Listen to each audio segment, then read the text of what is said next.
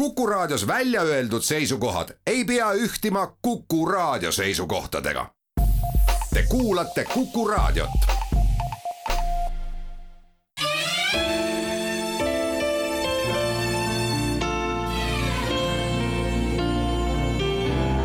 nädala raamat. Mihkel Raud ühes väikses Eesti linnas kavakirjastuselt kaunist uut, selle aasta eelviimast ja jõulupühadega finišeeruvat nädalat, head kuulajad.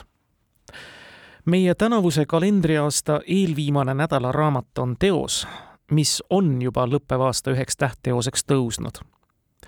see nägi trükivalgust oktoobris ning läbi karismaatilise autori ja oskusliku turunduse sai raamatust juba tema esimestel müügipäevadel raamatupoe lettidel suur hitt. nagu kõigist Mihkel Raua raamatutest tegelikult sest oskus sõna vallata ja seda lugejale meelepärasel ning köitval moel on üks Mihkel Raua paljudest tugevustest.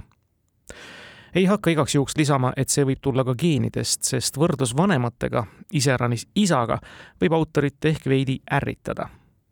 kunagi, vähemasti raamatu kohaselt, on Eno Raua nime letti käimine võrdlusmomendina küll noort Mihklit väga seganud, aga sellest jõuame ehk veel kõneleda aga praegu alustuseks jah, sellel raamatul on antud kõrvuti teiste Raua raamatutega võimalus saada selliseks, mida kas just neli miljonit eksemplari müüakse nagu Mr Lawrence'i esikalbumit Euroopas, nagu see Raua süütust naljast alguse saanud müüt oma elu elama hakkas ja suisa Aktuaalsesse kaamerasse jõudis, aga hästi võiks tal minna jätkuvalt ka tema kolmandal müügikuul ja iseäranis jõulueelsel nädalal. ka sellel nelja miljoni naljal loodame raamatut tutvustades peatuda aga kõigepealt meenutame armastatud muusiku, tele- ja raadiosaatejuhi lühikest aega poliitikukarjäärigi teinud Mihkel Raua loometeed kirjanduses. kui nüüd õigesti kokku lugesin, siis peaks raamatuid olema Mihkel Raua sulest või nüüdsel ajal küll rohkem arvutiklaviatuurist ilmunud kokku seitse siiani kõige menukam ja kõnelduim neist, ja see nüüd on siinkõneleja subjektiivne hinnang, on debüütteos autobiograafiline Musta pori näkku, mis ilmus aastal kaks tuhat kaheksa ja lõi oma humoorikas nukras avameelsuses päris korralikult laineid. elulooliseks võiks hinnata sellest seitsmest raamatust ka Võtku mind või homme saatan nimelist teost, kus Raud võtab süveneda suhetesse, kasutades materjalina iseennast ja võttes juurde ka erialast kirjandust. ja nüüd siis päris kindlasti ka meie värskeim nädalaraamat eks moel või teisel on ka Mihkel Raua muud raamatud seotud olnud kuigi palju ka tema isikuga, aga Hendrik Salsalleri intervjuu iseendaga on raamat pigem tema heast sõbrast ja Kus ma olen ja kuidas sina võid palju kaugemale jõuda ning ka Eestlase käsiraamat on pigem ja nüüd robustselt määratuna, ütleme siis, eneseabiõpikud. saigi vist ring peale. Nüüd siis taaskord üks isiklikum lugu ja väga toreda ning põneva nurga alt näed sa, siis andiski saatejuht juba omavoliliselt ka raamatule žanrimääratluse, ehkki võib-olla poleks pidanud seda tegema, sest ei pea ju tingimata raamatuid žanrilahtritesse määrama. aga hea küll tegelikult tekkis tollest raamatust juba otsapidi kuuldes ja seda lugema asudes võrdlus ühe teise kuulsa pealkirjaga, pealkirjaga Muinaslugu muusikas, mis võiks olla ju see kõige täpsem žanri määratlus ja muide ongi, kui Raimond Valgre tõlgitud sõnu sellest laulust nüüd hoolikalt kuulda kui me jätame kõrvale pealkirja ehk asjaolu, et ühes väikses Eesti linnas ei ole raamatuna muinaslugu, vaid tõesti sündinud lugude ja arvamiste kogumik, siis muuseaos vastab raamat sellele, millest too laulgi kõneleb. näiteks read. teeb muusika mind vahel kurvameelseks ja süda on nii tulvil igatsust, et laulmas iga tund ma leian end, sest muusika ja sa ma teisse armund Mihkel Raud on päris kindlasti muusikasse armunud. ta rõhutab seda eriliselt ja kohati ekstaatiliseltki, ega tee saladust sellestki, et see armastus on tugevam kui armastus või kiindumus naiste vastu. üks tsitaat. see tunne pole sõnadega kirjeldatav ja kui minu käest küsitakse, miks ma siiani laval kitarri armastan saagida, on vastus lihtne, kuid ehk veidi banaalne muusika mängimine tekitab minus emotsiooni, mida miski muu, ei armastatud naine, unustamatu reis ega tütre naeratus pakkuda ei suuda. minu jaoks on kitarr justkui teine inimene, kes mu puudutustest laulma hakkab. seda inimest, inimest jutumärkides, just minu tundeid ja mõtteid sõnastamas kuulda on pehmelt öeldes jumalik. tsitaadi lõpp Neid vaimukaid võrdlusi ja muid metafoore on kogu meie nädala raamat täis nauditavad olustikulised kirjeldused, nagu nad kõigi rauatekstides niikuinii on juba omamoodi firmamärgina esindatud, vürtsitatuna siin-seal tubli irooniaga ja mis ka autori firmamärk väga ausalt endasse vaatavad ning enesegi üle kõrbedat nalja teevad.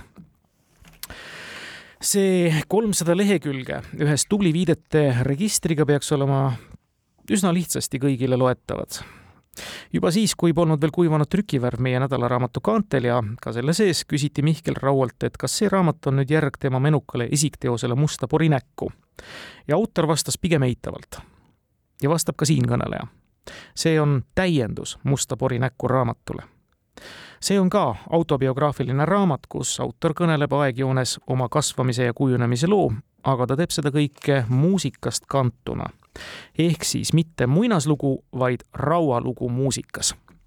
lugu loo haaval, alates raamatu pealkirjaks oleva ja Noor Eesti ansambli kuulsaks lauldud Ühes väikses Eesti linnas ilmutusega mustvalget valgust blinkinud televiisori ees ja lõpetades sellesama lauluga, mis juba autori enda esitatuna tolle loo autorile Rein Rannapile menukas telesaates üle neljakümne aasta hiljem Neid lugusid on seinast seina, Beethoveni koopaoravast päriselt ka, kuni Patti Smithi Dancing Barefootini välja.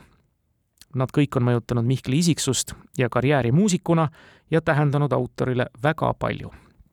nagu ka raamatus ära märgitud muusikud ja kaasteelised.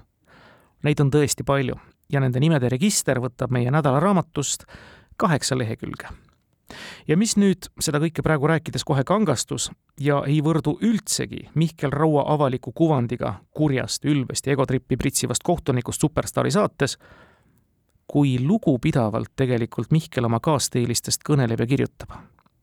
ka nendest, kes ehk ei olegi mingite mõõdupuude järgi seda väärt või siis moel või teisel, no näiteks Mihkel Raud alt vedanud või korda saatnud tegusid või elanud sellist elu, mille kirjeldamiseks nüüd vähe helgemates toonides puuduvad sõnad, või lihtsalt tahtmine. ometi Mihkel Raud ka nendest võtab vähemasti neutraalselt, aga kindlasti mitte kurjalt või parastades kirjutada. Olgu nad siis end kas surnuks joonud, rauamuusika ambitsioonidele jala ette pannud või mis iganes.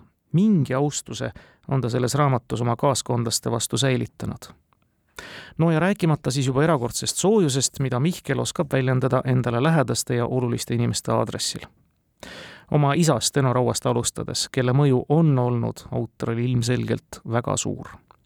ja neid inimesi on muidugi rohkem, oluliselt rohkem. nagu öeldud, register nimedest on ju raamatus pikk. Ja üks asi, mis ka lugudes silma torkab, on emotsionaalsele muusikule omane kiitavate epiteetide rohkus ei jõudnud enam lugedes järge pidada, kui mitut muusikut Mihkel Raud oma raamatus kas kõigi aegade parimaks, uskumatumaks, kordumatumaks, imelisimaks ja nii edasi kitarristiks näiteks peab. või siis hoopis samade epiteetidega lauljaks. jämedalt võttes saame selle raamatu põhjal Mihkel Raua elu ja muusikutee jaotada verstapostideks küll mõned neist verstapostidest on olulisemad kui teised, ehkki kirg muusikat teha on püsinud läbi selle ajatelje püsivalt esimese hooga julgeks välja tuua näiteks ühe olulisemana, noh, verstapostina siis, Mr Lawrence'i ansambli. selle bändi tõusu, hiilguse ja oi-oi kui valusa languse. julgeks välja tuua kindlasti ka Singer Vingeri ja tema kummalise fenomeni, mis väljendub umbes tosinas laulus, mis elavad varsti juba nelikümmend aastat igimenukat elu tänaseni ja millele pole mõeldudki lisa luua, sest selleks puudub lihtsalt tarvidus ja julgeks välja tuua ka varasemast perioodist ansambli Metallist, kus autori karjäär lõppes lihtsalt iseka irriteerimise tõttu ja tegelikult kõigest sellest, mida julgeks välja tuua, võiks nüüd kõnelema jäädagi, näiteks Superstaari saade jäi siinkohal mainimata. Aga jäämegi ja teeme seda siis eesseisva arginädala jooksul meie nädalaraamatut tutvustades. head kuulajad, millal ja millest tekib lapses või noores see kindel teadmine, kes temast saab ja millega saab tema edaspidine elu olema seotud? raske küsimus, millel ei ole ühest ja ühist vastust.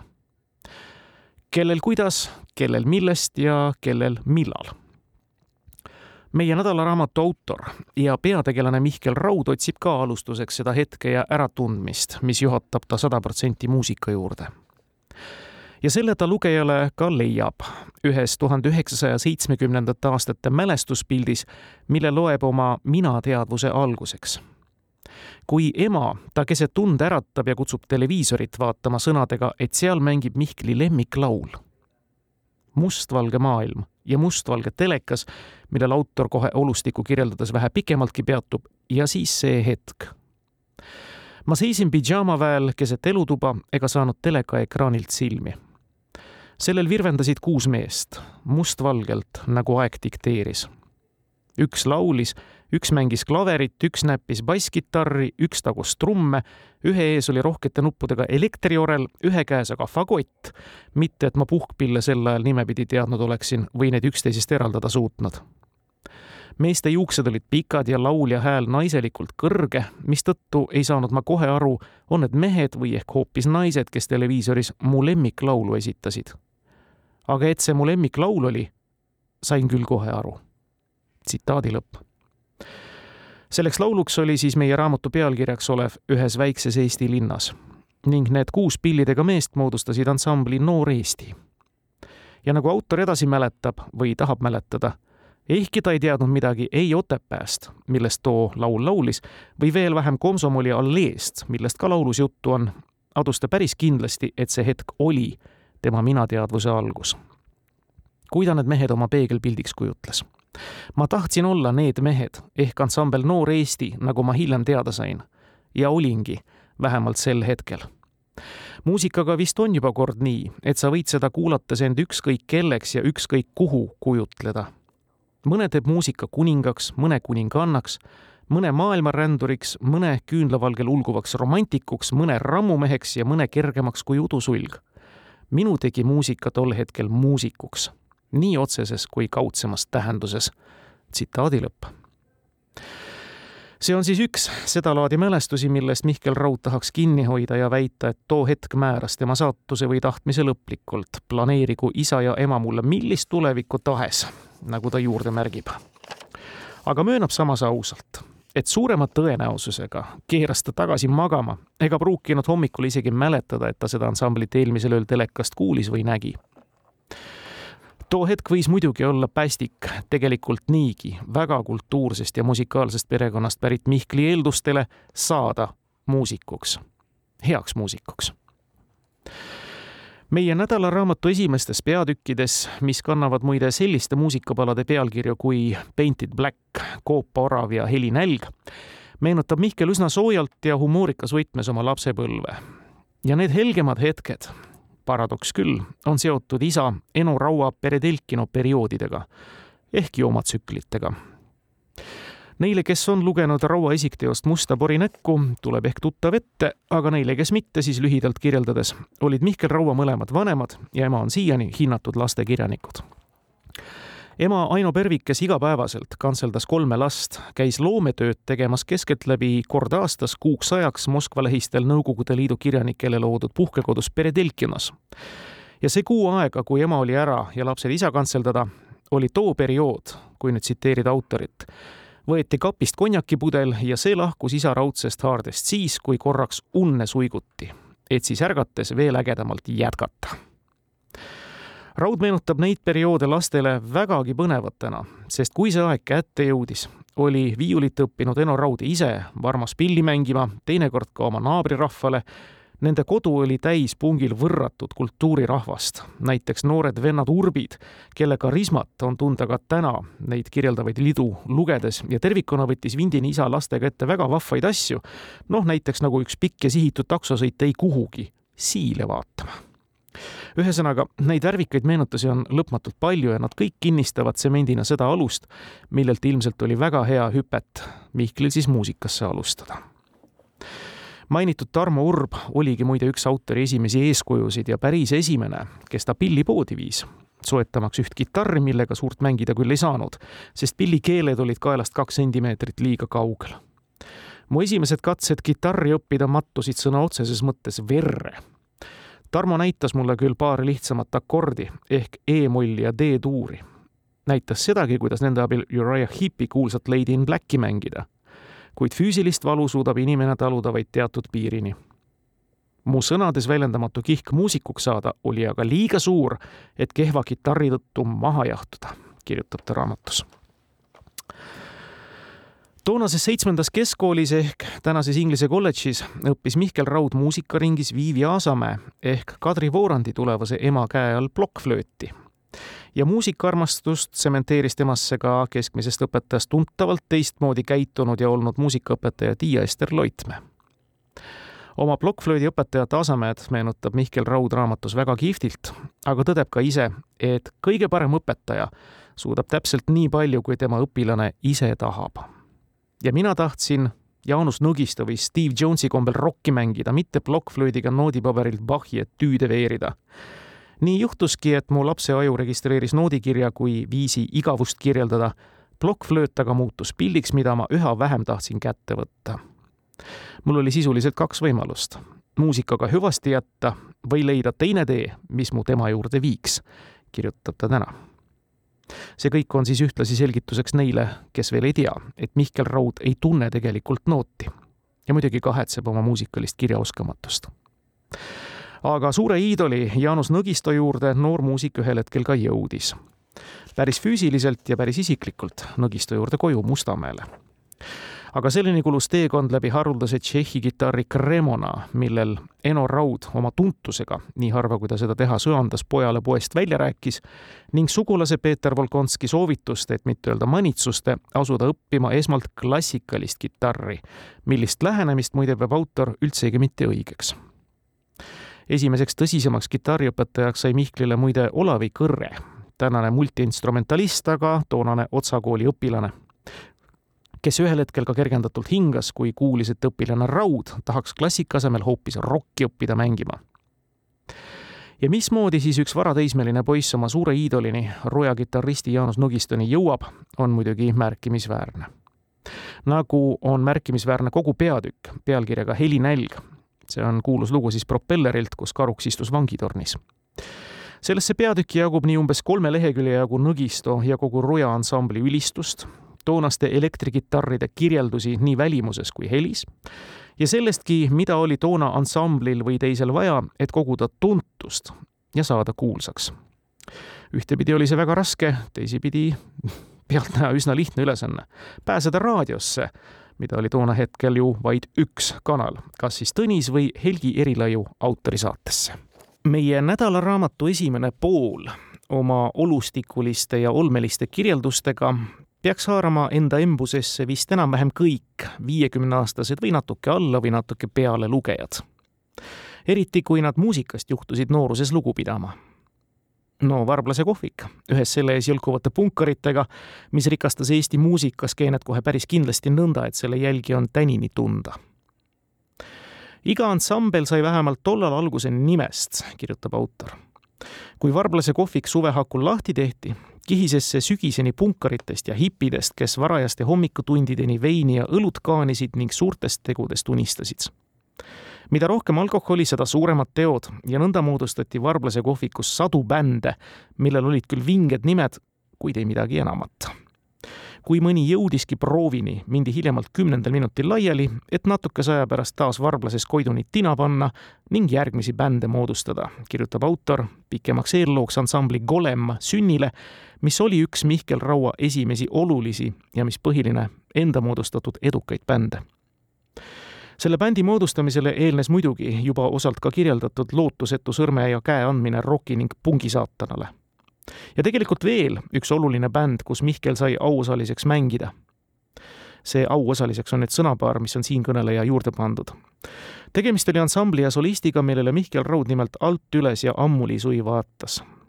Hendrik Sal-Saller ja tema generaator M, kes mingil imelisel kombel murdis endale tee toonasesse ainsasse tele-eetrisse, ainsasse levimuusikasaatesse Kaks takti ette ja pääses seal pilti nõnda, et kogu noor sugu veel sellest nädalaid, kui mitte kuid ja aastaid kõneles. see on ka üks ilus sõpruse lugu, mis sealt alguse saab ja tänaseni kestab. Hendrik Sal-Salleri ja Mihkel Raua sõpruse lugu siis, mis kätkeb endas ka nii kaunist ja tänaseks ilmselt juba jäädavalt unustuse hõlma vajunud sõpruse kinnismärki, kui seda on paberil kirjavahetus ajast, kui Sal-Saller Nõukogude sõjaväkke aega teenima läks ning generaator M oma tegevuse lõpetas. Mihkel Raua ja Hendrik Sal-Salleri sõprus väljendab avalikkuse ees tänini, kui semud võtavad aeg-ajalt taas kitarrid välja ja Raudsalleri turneele ennast sätivad. aga see nüüd on ruttamine ajast ette. tahtsin ikka järjega jõuda Mihkel Raua karjääris oluliste verstapostidena seisvate ansambliteni, kuhu siis ka juudi mütoloogilise koletise nime Golem kandev kollektiiv kahtlemata kuulus ja siinkohal taas meie raamatule hästi omaselt ulatub just tolle bändi loomise taust üsna mitme liini ja haruna kaugele ja autor ka tänuväärselt kirjutab selle kõik põhjalikult lahti. Black Sabbath ja selle Birminghamist pärit kvarteti muusika oli peamine põhjus, miks Mihkel Raud otsustas selle ansambli luua oma sõbra, hilisema näitleja Märt Visnapuu juures kuuldud toona rariteetsed Black Sabbathi plaadid ja lood olid need, mis esiti panid noore Mihkli kaasa noogutama kuuldud tõdemusele nimelt siis muusika algab ja lõpeb Black Sabbathiga. Ja noor kuulaja andis endale ka lubaduse, et kõik ülejäänud päevad, ükskõik kui palju talle neid on ette nähtud, kuulab ta ainult Black Sabbathi muusikat. mitte miski ei suuda nendega võistelda ja milleks kulutada aega tuhandetele bändidele, kui olen leidnud ühe ja õige, kinnistus ta mõte. mind valdas armumise tunne, kirjutab ta enamgi veel, olin Black Sabbathis leidnud partneri, kes tekitas minus tundeid, mida ükski tütarlaps või naine ei tekitanud. Ja kas näe üllatavalt kaua, kaks või isegi kolm aastat pidas Raud seda lubadust või truudust Black Sabbathile, kui seda sõna siin nüüd kasutada. ja muidugi pidi ka Mihkli esimene päris esimene oma tõsiseltvõetav bänd mängima Black Sabbathi covereid ja üks oluline muutus tuli selle bändiga veel. Mihkel Raud ise asus laulma, mitte enam taustal kitarri mängima, nagu ta senistes ansamblites oli musitseerinud. ja see oodatud edu, loodetud ning igatsetud menu ja imetlus kuulajatelt ka tuli. Nagu Raud kirjutab, Golemist sai kiiresti bänd, millest Tallinna undergroundis rääkima hakati me andsime mõned kontserdid nii oma koolis kui ka Tallinna teises tehnikakoolis, mille töötaja Meelis Tõškevitš meid oma tiiva alla võttis ja esimesed demosalvestused aitas teha rahvast oli alati palju, sest rokk-kontsert polnud mingi igapäevane asi. ja kui mõni korraldati, oli sellel lisaks muusikalisele ka tuntav poliitiline väärtus. rokk oli toonastele võimudele ebamugav. Mõnes mõttes avaldasid sa oma meelsust ainuüksi kontserdile ilmudes. vahet polnud, kas kuulaja või muusikuna kunagi ei võinud sa teada, milliseks atmosfäär kujuneb või millise ajaloolise tähendusega sündmusele sa satud ma olen hiljem väga suurtel lavadel kümnetele tuhandetele inimestele mänginud, kuid sellist tunnet, mis mul esimese päris bändiga sajakonnale koolikaaslasele musitseerides tekkis, pole ükski hilisem show pakkunud. Esimesi muusikalisi katsetusi tehes unistab inimene karjäärist, mis ta pilvapiirile peaks tõustma. ometi on aga just need esimesed sammud lähim, mis sa taevasele paradiisile koged, vähemalt emotsionaalses plaanis elevust, mis verinoort pillimeest enne lavale marssimist täidab, kipub iga järgneva aastaga vähemaks jääma. päris ära ei kao see õnneks kunagi, ent sinisilmne õhin asendub aja jooksul paratamatult mõnevõrra pragmaatilisemate kategooriatega. tsitaadi lõpp. Ansambel Kolem jõudis küll tegutseda vaid mõned kuud aga seda armastust ja kaifi hõngub nende raamaturidade vahel kohe tuntavalt selle ansambli vastu, kui jutuks on nii esimesed tunnustavad ja igatsevad pilgud publiku hulgast kui ka esimesed tõsisemad salvestused või kas või rauasilmis ja kõrvus ebaõnnestunud esinemine Võru rokkfestivalil kange kiusatus, head kuulajad, on nüüd hüpata kolemist üks paar aastakümmet ja raamatust ka sadakond lehekülge edasi ja rääkida veel üks konkreetne Black Sabbathiga seotud lugu ära ja vannume sellele kiusatusele nüüd ka alla. seda enam, et see lugu kõneleb Mihkel Raua enda arvates ja sõnutsi tema läbi aegade edukaimast muusikaprojektist, produtsendina siis.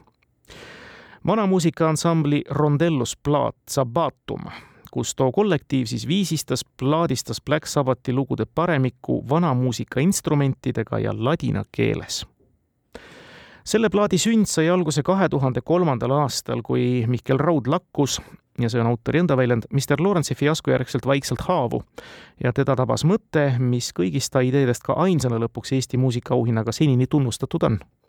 ja seda märkimisväärsem, et see tunnustus on tulnud klassikalise muusika kategoorias ja mõte oli siis mitte lihtsalt teha Black Sabbathi omalaadne tribüütbänd või plaat, vaid mängida pea peale keeratud tegelikkusega, mille kohaselt olnuks siis Black Sabbathi lood tegelikult cover'id ja originaalid pärineksid kusagilt neljateistkümnendast sajandist Hortus Muusikuse ja Andres Mustoneni poole ei julgenud Raud selle mõttega pöörduda.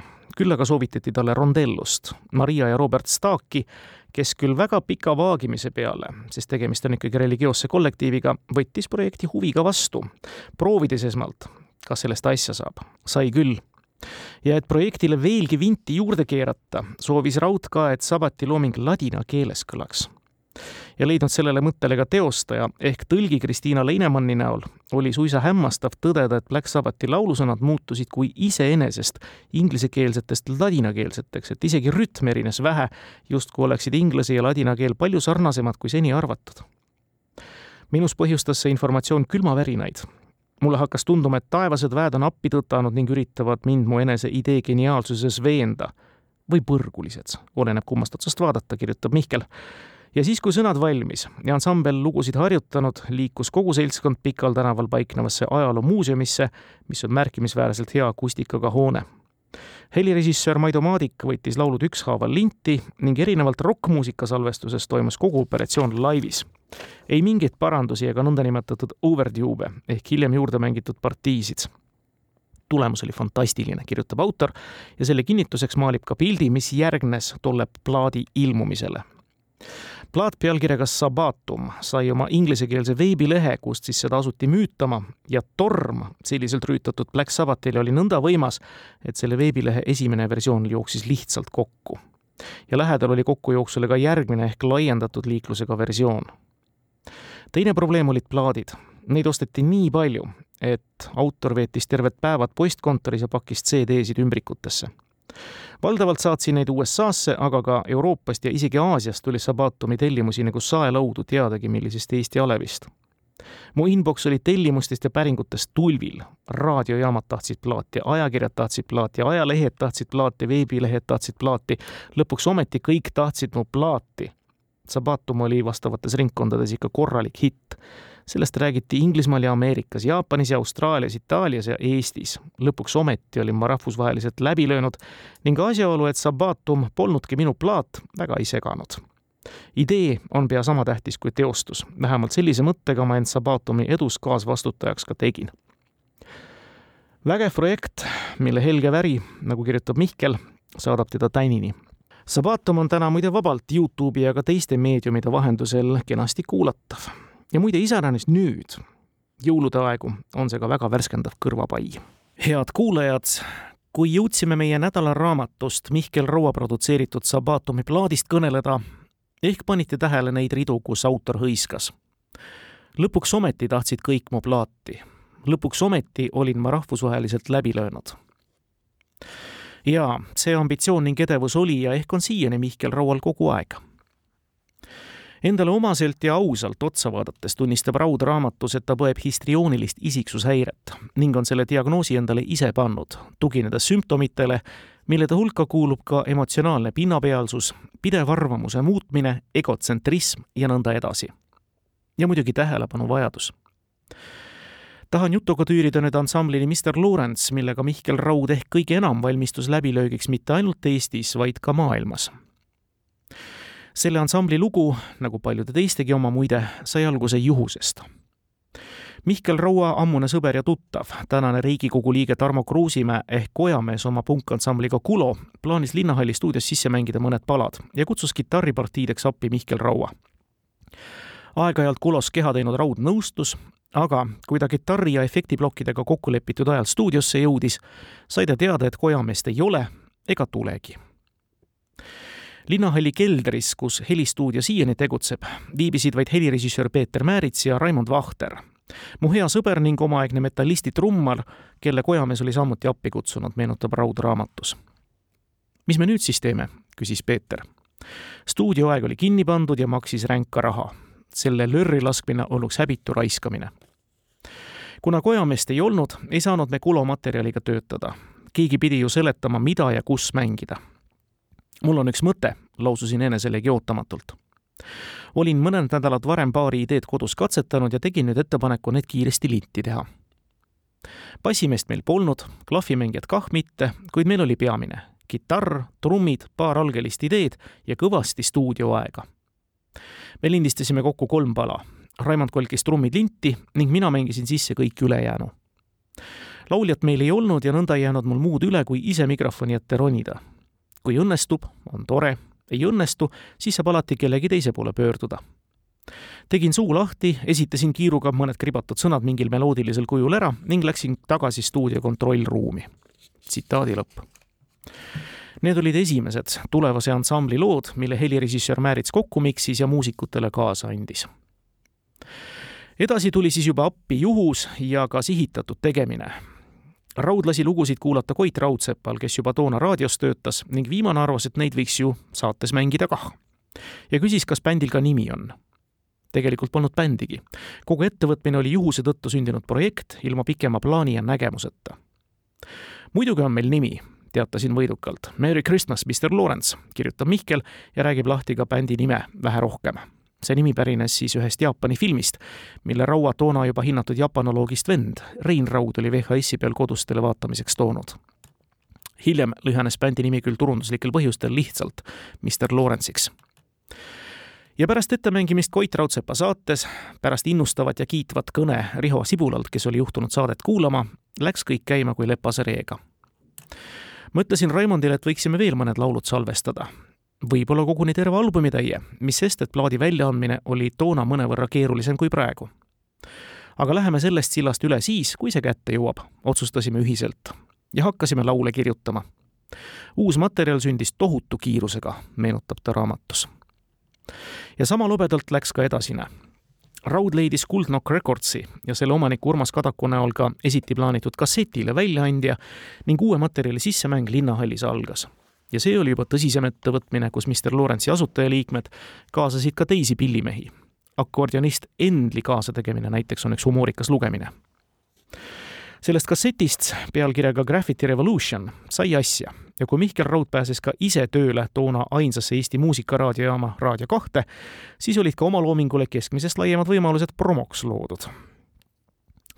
Tagantjärele ei oska autor hinnata, kui suurt rolli mängis kasseti kommertsedus muusika ja kui suurt asjaolu, et Raadio kaks seda mõõdutundetult promos igatahes sain ma kiiresti aru, et turg on taolise pop-rocki jaoks küps ning mul tuleb panna kokku bänd, millega oma laule kontsertlaval esitada, kirjutab ta. ja nõnda siis sündiski bänd, millele oli antud mõni hea aasta tõesti edukas olla. ja üsna olulise panuse andis edule ka mänedžer Sven Aberdaal, kellest Mihkel Raud võtab kohe pikemaltki kirjutada. meeste ühine minevik ulatus aastate taha ja ka mälestuste emotsioonide skaalal äärmusest äärmuseni ja nüüd mänedžeri, kes juhtumisi ka Raadio kahe muusikavööndi eest vastutas ja seeläbi taas mõõdutundetult sai hoolealust promoveerida, kaastõukel haaras ka Mr Lawrence'it see kihk, mis ilmselt kõiki toonaseid Eesti bände. nagu autor kirjutab, iga siinse bändi unistus oli välismaal läbi lüüa ja selleks oli vaja plaadilepingut välismaise plaadifirmaga. Plaadileping oli peaaegu et fetiši subjekt, enamik siinseid muusikuid arvas ekslikult, et kui saabub leping, saabub ka edu mina olin selles igatahes surmkindel ja kui Sven end minu bändi mänedžeriks pakkus, oli selge, et ta teeb lepingu saamiseks kõik, mis suudab. tegigi ja saigi. et läänes läbi lüüa, tuli laulda keeles, millest läänes aru saadakse. paljud üheksakümnendate laulud kõlasid niisiis inglise keeles ja ma arvan, et Merry Christmas, Mr Lawrence oli üks esimesi Eesti bände, mille repertuaaris eestikeelset laulu polnudki mulle heideti seda aeg-ajalt ette, kuid nõustuti samas, et USA-s tuuritamiseks ei pruugi eesti keel parim olla. selles, et me peagi Ameerikas tuuritama hakkame, ei kahelnud aga keegi. eestlase usk oma kollektiivsesse võimesse kogu maailm üle võtta oli vankumatu ning muusikas olid suurimad lootused just nimelt minu bändil. tsitaadi lõpp. USA-sse ühel hetkel ka jõuti plaadimaterjali salvestama tehes nüüd paar ratsuhüpet raamatus edasi, räägime ka päris tutvustuse alguses mainitud nelja miljoni plaadi nalja lahti. Mr Lawrence niisiis ühes oma energilise mänedžeri Sven Aberdaliga jõudis oma esimese CD-plaadi lepinguni Saksamaal toimetama firmaga SPV. ja juba mõiste läänes välja antud plaat mängis toona, üheksakümnendatel aastatel Eestis väga suurt mõju. ja poisid bändist võimendasid seda mõju veelgi plaadi ilmumise puhul peeti maha pressikonverents, kuhu ajakirjanikke tuli kui murdu. tsiteerin. bänd võttis pika laua taga istet, ma laususin midagi sissejuhatuseks, selgitasin Saksamaal sõlmitud plaadilepingu tähtsust ning teatasin uhkusega, et Lääne-Euroopas on album juba mõned nädalad müügil olnud. andsin seejärel sõna küsimusteks, nagu pressikonverentsi kord ette näeb. kui palju teie plaati Saksamaal juba müüdud on, küsis Vikerraadio saatejuht Vello Rand. neli miljonit, teatasin silmagi pilgutamata mulle meeldis vaimutseda ja kuna meil selleks hetkeks müügiandmeid ei olnud, otsustasin nalja teha sellest oli ju võimatu kuidagi muud moodi aru saada. neli miljonit plaati suutsid neil päevil müüa vaid Tina Turneri ja U2 mõõtu gigandid ja sedagi palju pikema aja jooksul kui vaid paar nädalat. Vello Rand muigas ja muigasid ka kõik ülejäänud kohalviibijad. või nii mulle vähemasti tundus. pressikonverents sai läbi, ajakirjanikud sõid juustupulgavaagnad tühjaks ning läksid koju. Tsitaadi lõpp samal õhtul huviga Aktuaalset kaamerat vaadates ilmnes, et kõik ikkagi ei saanud naljast aru. aktuaalse kaamera diktor teataski vastava uudisloo sissejuhatuseks Mr Lawrence'i plaadist, mida on müüdud läänes neli miljonit eksemplari. ma prantsatasin sõna otseses mõttes põrandale. kas ma kuulsin õigesti, kas ta ütles tõesti neli miljonit? kas Aktuaalse kaamera meeskond ei saanud tõepoolest aru, et ma olin nalja teinud? Hakkasin üle kere värisema, sest ma ei saanud esimese hooga arugi, kui suurepärase meediatriki ma endale teadvustamata sooritanud olin. veel kord tsitaadi lõpp. ja hoolimata või sootuks tänu sellele naljale läks ansamblil oma esimese plaadiga hästi. Mr Lawrence'i triumfist, eraldi veel ka lugudest Annabelle ja Shine On ehk Inese laulduna eestikeelses versioonis Kus kulgeb kuu aga ka kogu toonase aja päkapiku disko ning laulda ja mängida mitteoskava vennaskonna fenomenist, mis tänastele neljakümneaastastele on veel väga hästi meeles, saab meie nädalaraamatust lugeda kohe tummisema jao lehekülgi ja saada ka helget äratundmisrõõmu. aga tunda ka päris selget nukkrust ja ängi, kui lugeda sellest, milliste pingutuste toel ja eeskätt esimese plaadi edust tiivustatuna asus Mr Lawrence teist plaati ette valmistama. ja millist rolli muide selles mängis Toomas Hendrik Ilves ja kuidas siis selle valmimise järel tuli päris valus ja põhjalik kukkumine. aga see aus lugemine jäägu nüüd teie avastada, hea kuulaja. head kuulajad, meie nädalaraamat on küll suuresti ja ütleks, et ainult ja ainult muusikast. aga tegelikult ka televisioonist, millega autor on ju ka tihedalt seotud olnud ja ongi põnev vaadata, kuidas telepurgi maagiline või täna enam mitte nii maagiline maailm niidina seda kolmesadat lehekülge läbib. alates juba mainitud ilmutusest unisele poisile kusagil seitsmekümnendatel, kellele mustvalge televiisor näitas Noor Eestit ja lõpetades saatega Laula mu laulu, kus Mihkel, tuntud ja tunnustatud muusikuna, laulab tollele Noor Eesti liikmele laulu ühes väikses Eesti linnas televisiooni tähendust ja selle tähenduse muutumist saab siis aegjoones lugeda meie nädalaraamatust. selle lugemise algusaastatel ja veel ka üheksakümnendatel oli televisioon mõne artisti ja tema loo või laulu esiletõusmisel oluline, et mitte öelda määrav jõuõlg, mis sätestas selle artisti tuntuse teinekord aastateks no me tõime isegi välja Hendrik Salsalleri ja tema generaator Emmi esiletõusu saatest Kaks takti ette ja ega olukord muutunud ka suurt nüüd iseseisvuse taastamise järgsetel esimestel aastatel. üks omaette fenomen ja Mihkel Raua isikuga väga tugevasti seotud fenomen oli saade Seitse vaprat. Raud meenutab, et selle saate idee tekkis tegelikult Raadio kahest, kus analoogiline laulutester oli juba eetris, kus saatejuhid mängisid uuemat saabunud muusikat ja kuulajad said sellele hindeid anda. ja parimad laulud võitsid endale koha juba R2 püsivas playlistis. tsiteerin telerežissöör Jüri Pihel oli minu hea sõber ja pakkusin Jürile, et võiksime televisioonis sama süsteemi kasutada. näitame inimestele laule nagu teisteski muusikasaadetes, kuid laseme neil samal ajal helistada ja hindeid panna. Jürile see mõte meeldis. seda enam, et keskmise hinde kujunemist sai ekraanil kogu aeg kuvada ja see lisas asjale draamat. pakkusin saatele nimeks Seitse vaprat. esiteks oli see tuntud vesterni pealkiri, teiseks andis võimaluse edetabeli loogikat kirjeldada igas saates kõlas kümme laulu, millest kolm kehvema hindega välja langes ja seitse paremat järgmistesse nädalatesse liikus. saade läks ühel pühapäeval eetrisse ja püsis ETV kavas tubli üheksa aastat. mina juhtisin seitset vaprat viis hooaega, väsisin seejärel ära ning minu igapühapäevase töö võttis üle Kirsti Timmer seitse vaprat oli meeletult populaarne ning selle kaudu sai tuuletiibadesse nii mõnigi toonane bänd, näiteks Ummamuudu, The Tuberculoitid, Code One ja paljud teised. kui sa tahtsid üheksakümnendate teises pooles oma laulu kuulsaks teha, tuli sul see seitsmesse vaprasse tuua. tsitaadi lõpp. ja täpselt nõnda oligi. ja töötaski. ka muide Raua enda ansambli ja Mr Lawrence'i hittloo Annabeli puhul, mis mälu järgi ikka üsna kaua saate edetabelis püsis teine oluline muusikasaade, mille järgi tunnevad Mihkel Rauda ka vist kõik tänased noored, on siis Eesti otsib superstaari. üle maailma töötav ja toimiv Pop Idoli formaat, kuhu Mihkli kutsus produtsent Kaupo Karelson, nagu Raud ise meenutab ja väljendab, selle sitapeast kohtuniku rolli. ja tuleb tunnistada, et selle rolli on ta ka väga hästi välja kandnud leheküljed täis Eesti otsib superstaari lugusid on väga hea ülevaade selle menusaate telgitagustest kus lugeja saab teada või õigemini raud lükkab ümber ka mõned müüdid, mis on selle saatega seoses oma elu hakanud elama. näiteks stseen, kus üks ärritunud osaleja Mihkel Raudo veeklaasiga viskab.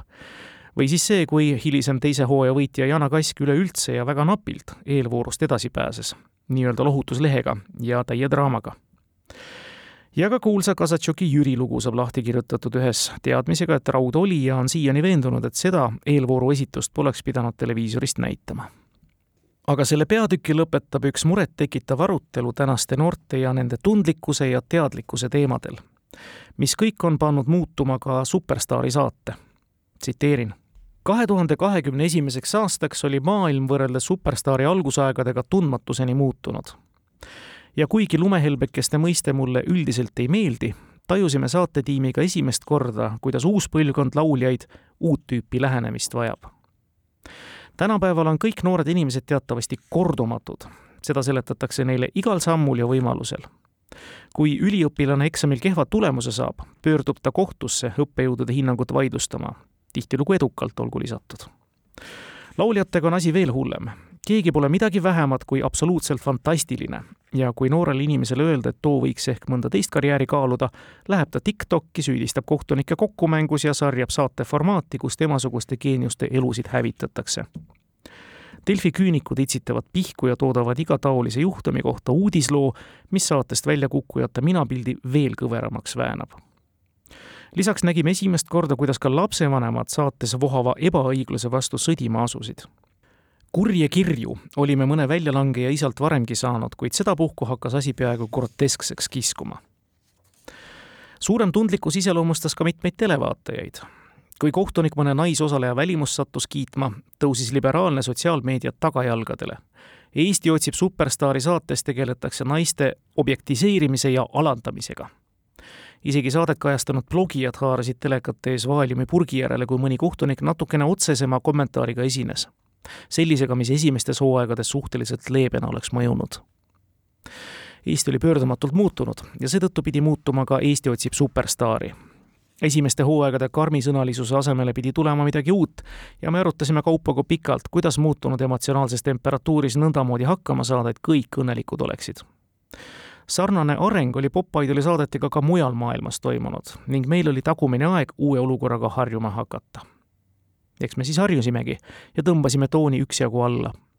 päris nunnutamiseks asi siiski ei läinud, vastasel juhul muutunuks kogu saade, vähemalt minu jaoks, täiesti mõttetuks. tsitaadi lõpp head kuulajad, tõmmates nüüd nädalaraamatu tutvustusega otsi veidi kokku, vaatame siit-sealt veel, kellest või millest võtab Mihkel Raud imetlusega või austusega kirjutada. lauljatari Lenna Kuurma nimi esineb meie raamatus viiekümne seitsmel korral ja Lenna talenti ning lauluoskust, aga ka iseloomu võtab Mihkel Raud tõesti imetleda. Nende kahe muusiku koostöö on kulgenud kirglikult, kokku ja lahku. selle üheks tipuks on jäänud kahtlemata lugu Mina jään, mis kümme aastat tagasi jäi napilt Eesti Laulu võistlustel teiseks, aga kõlas ja kõlab siiani võimsalt Eesti raadiojaamades, no rääkimata siis kõikvõimalikest meediumidest ja pulkadest Lenna lugude juures saab muide lugejaga teada, kuidas jäi sündimata tegelikult üks võimas bänd Eestis, kes mänginuks ja laulnuks korralikke heavy metal lugusid. Lenna kui laulja oli selle ideega koheselt nõus olnud. aga nüüd, täpset põhjust küll avaldamata, tegi elu teised plaanid, nagu Mihkel kirjutab, ja see bänd jäi sündimata lauljatar Ines, kes tagasihoidlikult kord esines autorile palvega esitada tema lugu Shine on eesti keeles, millest sai siis Kus kulgeb kuu, pälvib ka Mihkel Raualt palju tähelepanu. ja paljud teised veel, kelle puhul taas kordan, ei ole Raud kiitvate ja absoluutsete epiteetide jagamisel kiitsi. ja kindlasti ei saa nüüd nädalaraamatu kontekstis märkimata jätta ka Mihkel Raua, noh, kui nii sobib öelda, naasmist suurele lavale oma bändiga oma uue bändiga, mille kokkuseadmine oi-oi kui peen ja oluline passiansi ladumine on olnud ja sellele bändile on antud tänagi siis lavalaudadel aeg-ajalt esineda ja Youtube'i vahendusel muide on sellest kontsertfilmgi näha. muhedaid ja päris korralikult naermagi ajavaid kõrvalepõikeid on Mihkel Raud raamatusse rajanud. näiteks, miks peaksid mehepojad hevimetalli austajate nahast aksessuaaridesse vähe kahtlevama tooniga suhtuma head kuulajad, tõmbame siinkohal nüüd otsa kokku tõdemusega, millega nädala alguses alustasime sõnaseadmine on üks Mihkel Raua talentidest ja selle tunnistuseks on ka tema raamatute menu lugejate seas. ja nõnda päris kindlasti ka selle, meie selle nädala raamatu oma.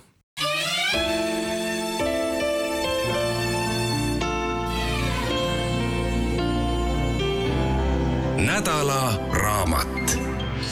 Mihkel Raud ühes väikses Eesti linnas kavakirjastuselt